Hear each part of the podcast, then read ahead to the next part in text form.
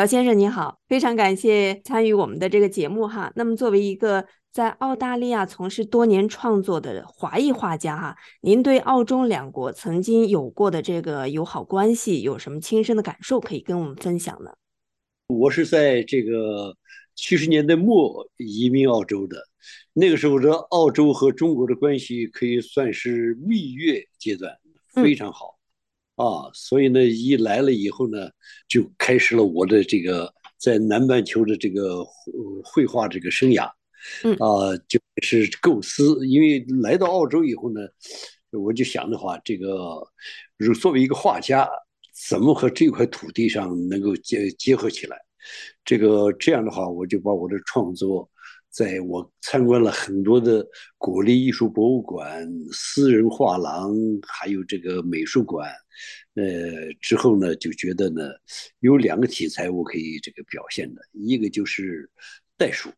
我们都知道，澳洲的国际航班，呃，尾部是一个巨大的袋鼠，是吧？嗯，这个，然后呢，这个，呃，澳大利亚的土著呢？又是被外部世界了解甚少的一个这个这个当地的原民族，所以呢，我就想这两个的这个题材是可以好好的考虑。更更重要的是，我想怎么用这个中国化的形式来这个表现这这两个题材。嗯，那这两个题材在后面我们再详细的说哈。那您一九七九年。就是您三十岁的时候是吧？当时移民到澳洲来哈，作为一位画家，在这里开始自己的生活，应该也不是说一来就非常的容易哈。啊，后来又是怎么样，在一九八三年获得了澳大利亚政府的资助的呢？刚移民到这儿的时候呢，可以说是是个残疾人。为什么说呢？语言不通，嗯，驾车不会，这两条腿一条腿也用不上。所以呢，就变成什么呢？要努力的去适应这个社会，呃，当然澳洲的这个福利是非常好，大家也知道。所以呢，在我们来了以后呢，就立刻就那个什么，就是去安排我们学英语。学了英语以后呢，这个我对澳洲的情况也有了更多的了解的时候，这个时候呢，我就在堪培拉举办了画展。呃，举办画展的时候呢。那么就是我当时展出了一幅这个丝绸之路摆骆驼图，这幅长卷呢是十四米长，嗯，反映的是这个呃这这个从这个呃丝绸之路上这个驼铃这个声声的这个这个这个场面，主要是把这个骆驼的春夏秋冬的四个季节的变化浓缩到这幅作品里。然后把这个这个个气气候也是这样浓缩进去，然后呢，把这个丝绸之路上留下的废墟呢，也表现在这幅画里面。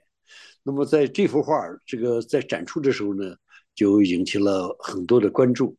呃，有一天呢，呃，那个我看到一位呃澳洲的老太太，在我那个十四米长的那个画前面呢，来回的在看，而我当时就非常高兴。因为我想，澳洲人对一幅这个中国画这样感兴趣，那肯定是我很开心的事儿了。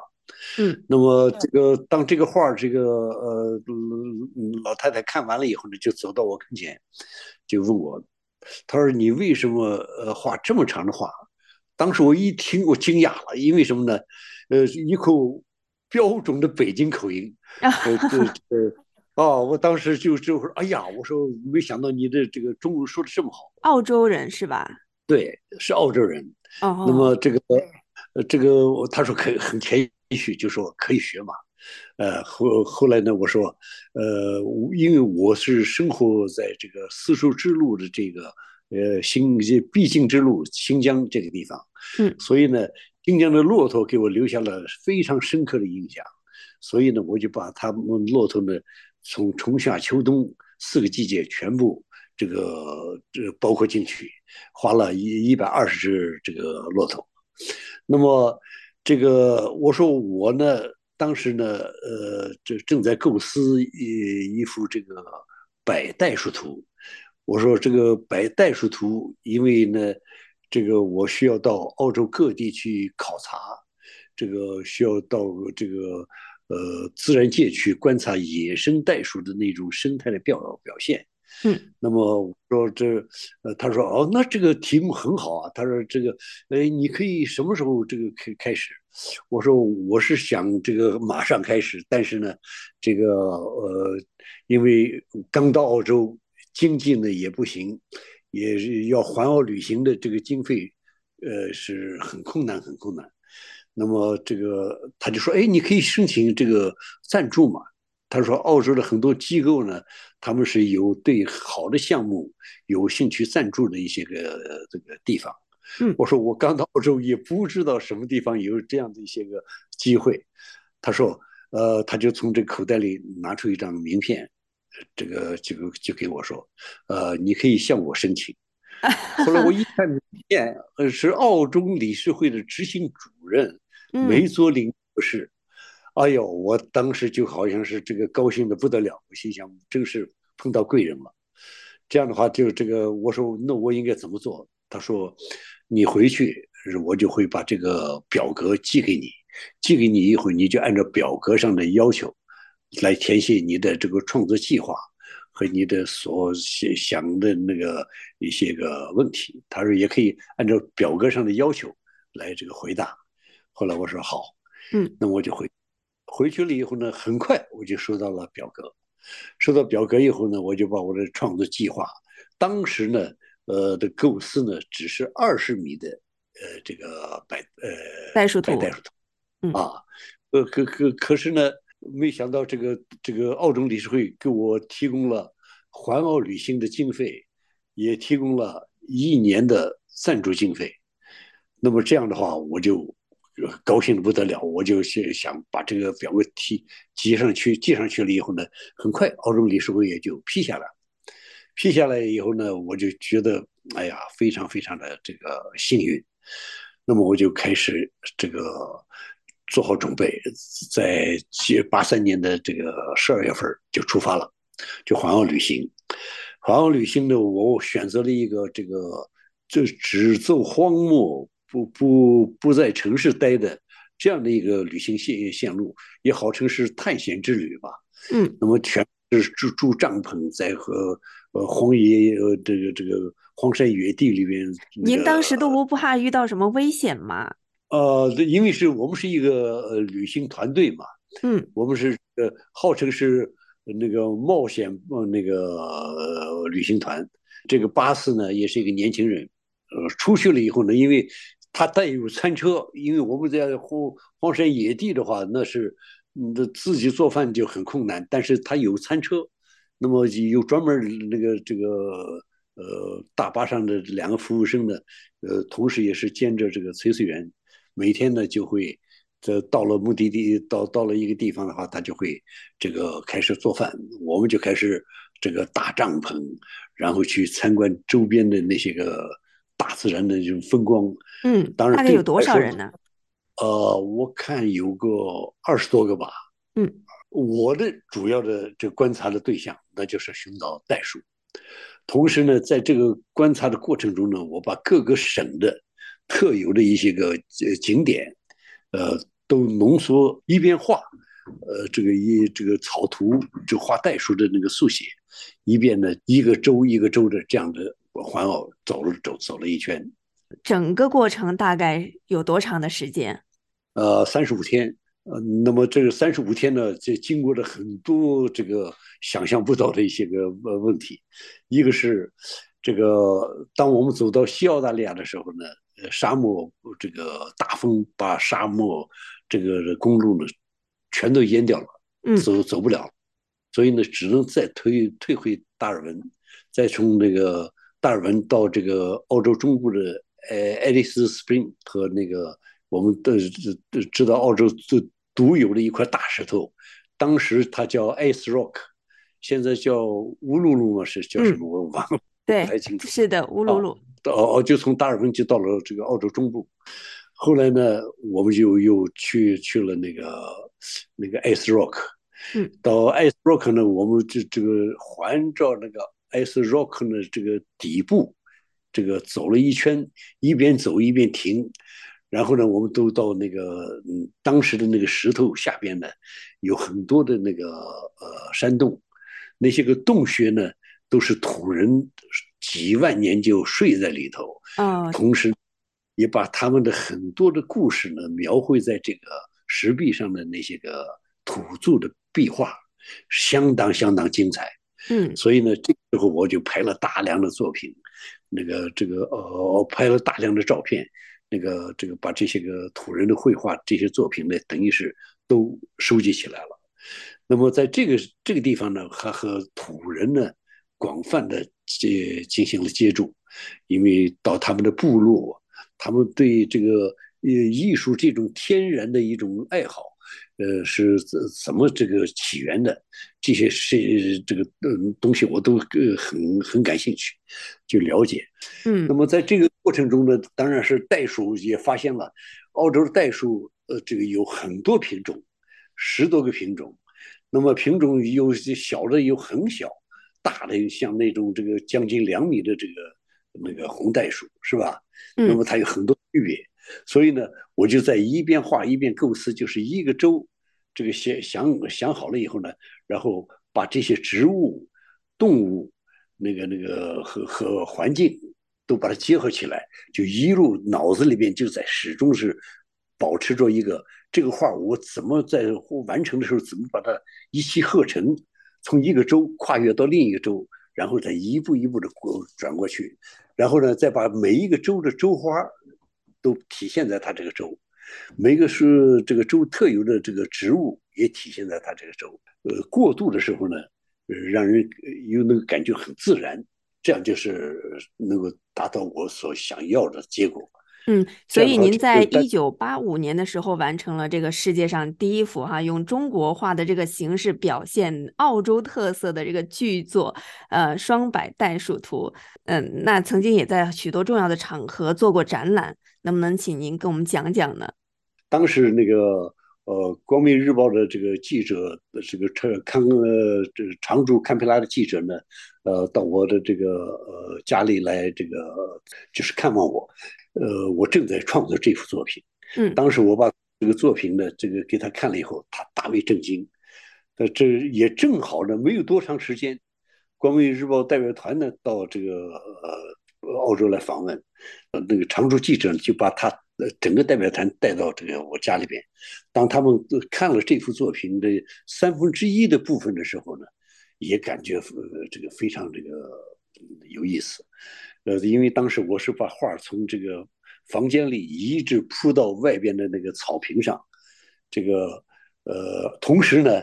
我也没有，这怎么也没有想到，我的这幅画越画越长。那当时铺的只是三分之一。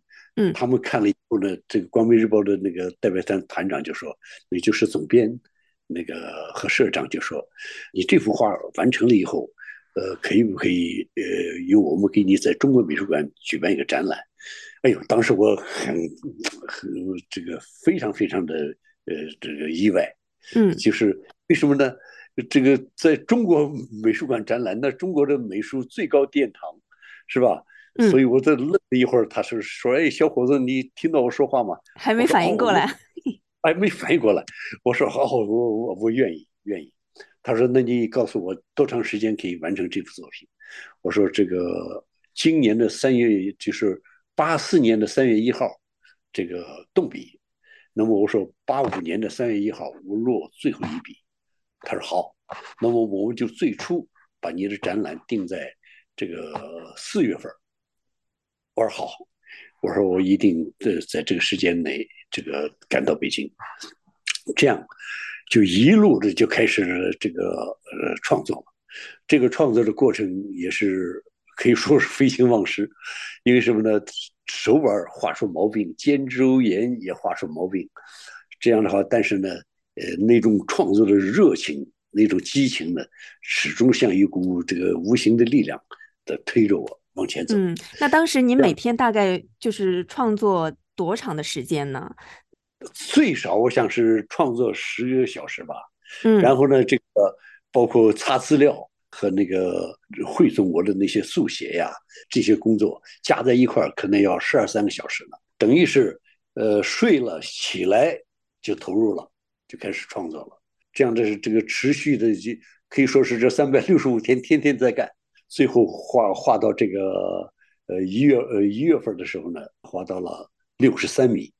嗯，六十三米，我觉得哎，这这个画儿，我觉得是完整了，所以呢就停在六十三米，然后又在这个二月份润色了一个月，三月份我就赶到北京，然后《光明日报》呢就立刻安排了这个这幅作品呢，就由这个北京荣宝斋来一个呃那个裱画组来裱作品，裱好了以后呢，那么在四月三号就如期的在中国美术馆举办了《白袋鼠图》创作的完成的首展。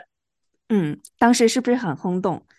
非常轰动，可以说是这个传媒、呃电视、这个新华社、呃中新社、光明日报，呃还有这个各大院校的这个美术这这个机构都去参观了，而且这个不光是这些，还有各那个各界人士也都参观了。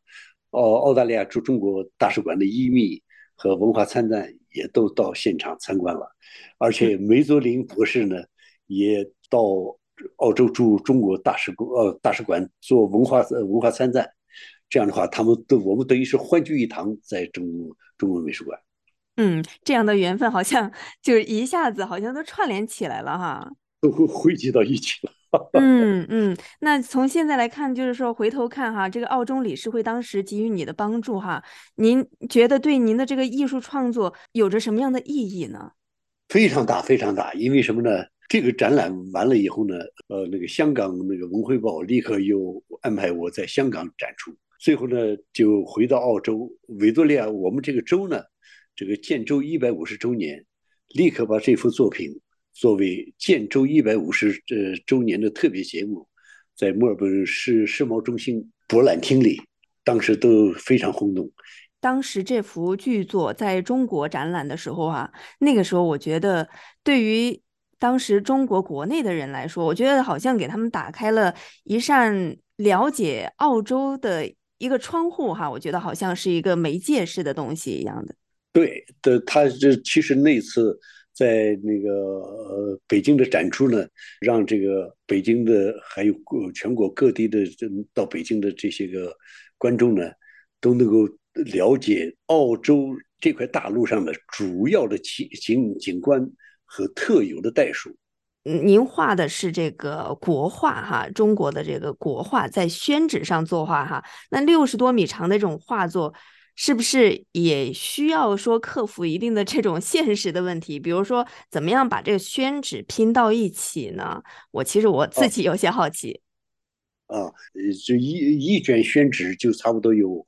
这个十十五米左右，一卷画完了，过渡到下一卷，然后呢，你知道中国画是或是纸是软的嘛，是吧？嗯，你是画，那你就可以卷起来，这后这这就这样往前发展。我在画一米的时候，因为我对整个澳大利亚和这我要表现的主题呢，已经是心中有数了，这个了如指掌了。所以我在画一米的时候，我的脑子里。已经有五米的构思了，这幅画没有草稿，没有说是我现在这个宣纸上打一个草稿这样画下去，而是在脑子里打草稿，这样的话就一米一米的每画一米延续五米的构思，每画一米延续五米的构思，两幅创作都是这样完成的。嗯，这样一幅这个百袋鼠图，后来是不是据说又增加到两千只袋鼠了？哦，是这样的。本来这幅作品是两千只袋鼠，但是因为这个时间一年的创作时间，两千只是赶不出来的。嗯，所以呢，就变成什么呢？我先画了两百只袋鼠在这个长卷里。嗯，那么这很多的地方呢，这个袋鼠的位置全都给它留留出来了。嗯，留出来以后呢，这就是在这呃，同时呢，呃，澳洲这个建国二百周年，澳洲政府也派这幅作品呢。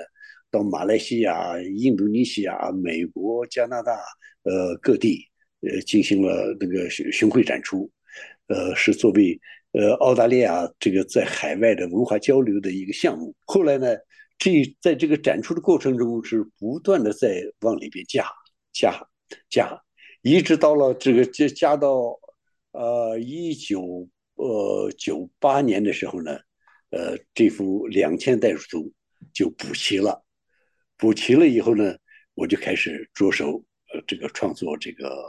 人与自然澳之魂了，因为这个人与自然澳洲魂这个题材很大，很大的话，那么就在这个呃构思上面，那就要比百代数图要这个呃复杂的多。呃，首先呢，我要从一开始构思，也就是说一九八零年开始有这两幅作品的创作冲动的时候呢，开始构思的时候，我就一方面是先画百代数图，但是呢。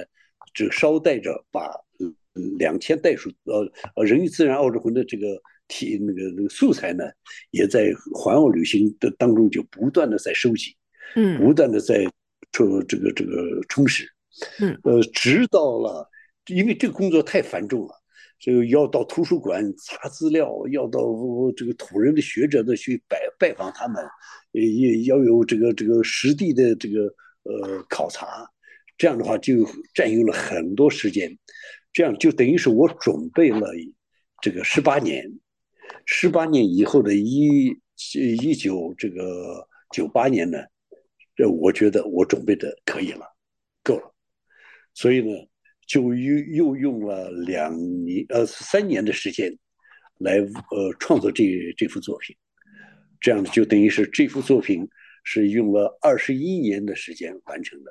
嗯，那您创作这幅画作，能不能就是大概跟我们讲一讲这幅画作它的具体的内容？我我第一次环澳旅行的时候，就到到了土人的部落里去那个聊过，跟他们的这个了解的过程中，知道了他们没有文字，但是呢，他们有口头文学，他们的口头文学就是他们的呃口口相传的呃他们的故事，他们总觉得他们是有世界万物。